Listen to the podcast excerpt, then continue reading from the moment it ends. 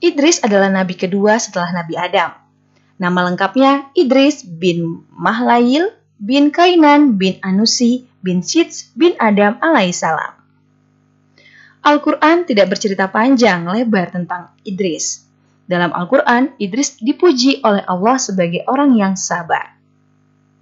Dan ingatlah kisah Ismail, Idris, dan Zulkifli. Semua mereka termasuk orang-orang yang sabar kami telah memasukkan mereka ke dalam rahmat kami.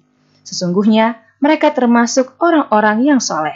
Quran Surat Al-Anbiya 21 ayat 85-86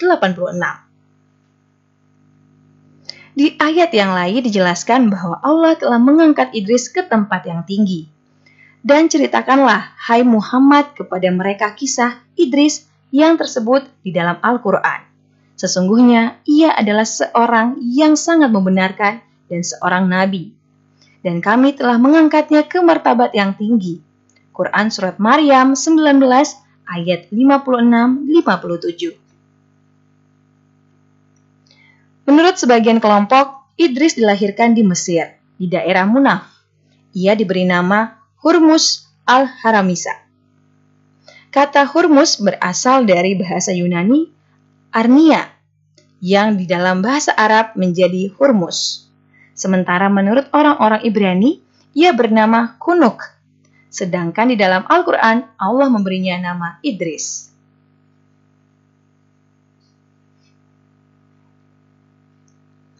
Idris pernah meninggalkan Mesir, berkelana mengelilingi dunia, kemudian ia kembali lagi ke Mesir ketika ia berumur 82 tahun Allah mengangkatnya menjadi rasul. Sedangkan kelompok lain mengatakan bahwa Idris dilahirkan dan dibesarkan di Babilonia. Idris adalah orang yang mula-mula pandai naik kuda, ilmu alam, tulis-menulis, dan berhitung. Ia mempelajari peninggalan Nabi Adam dan Syed. Ia sangat berani dan gagah, sehingga digelari Asadul Usud, singa dari segala singa.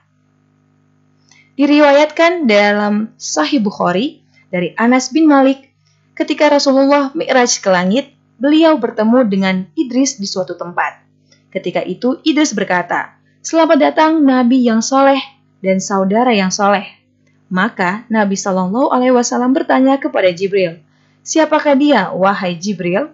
Jibril menjawab, Dialah Idris. Itulah tadi kisah Nabi Idris alaihissalam ya memang sangat singkat karena ada beberapa sumber uh, yang menyatakan dan masih ada beberapa versi juga ya. Ada yang bilang Nabi Idris di Mesir, ada juga di Babilonia. Tapi semoga ini bisa menambah wawasan teman-teman ya. So, kita akan ketemu lagi di episode selanjutnya dan masih membahas tentang Nabi dan Rasul. Terima kasih. Sekali lagi jangan lupa subscribe channel YouTube Kia ya, like dan share serta follow podcast Kia. Wassalamualaikum warahmatullahi wabarakatuh. Bye bye.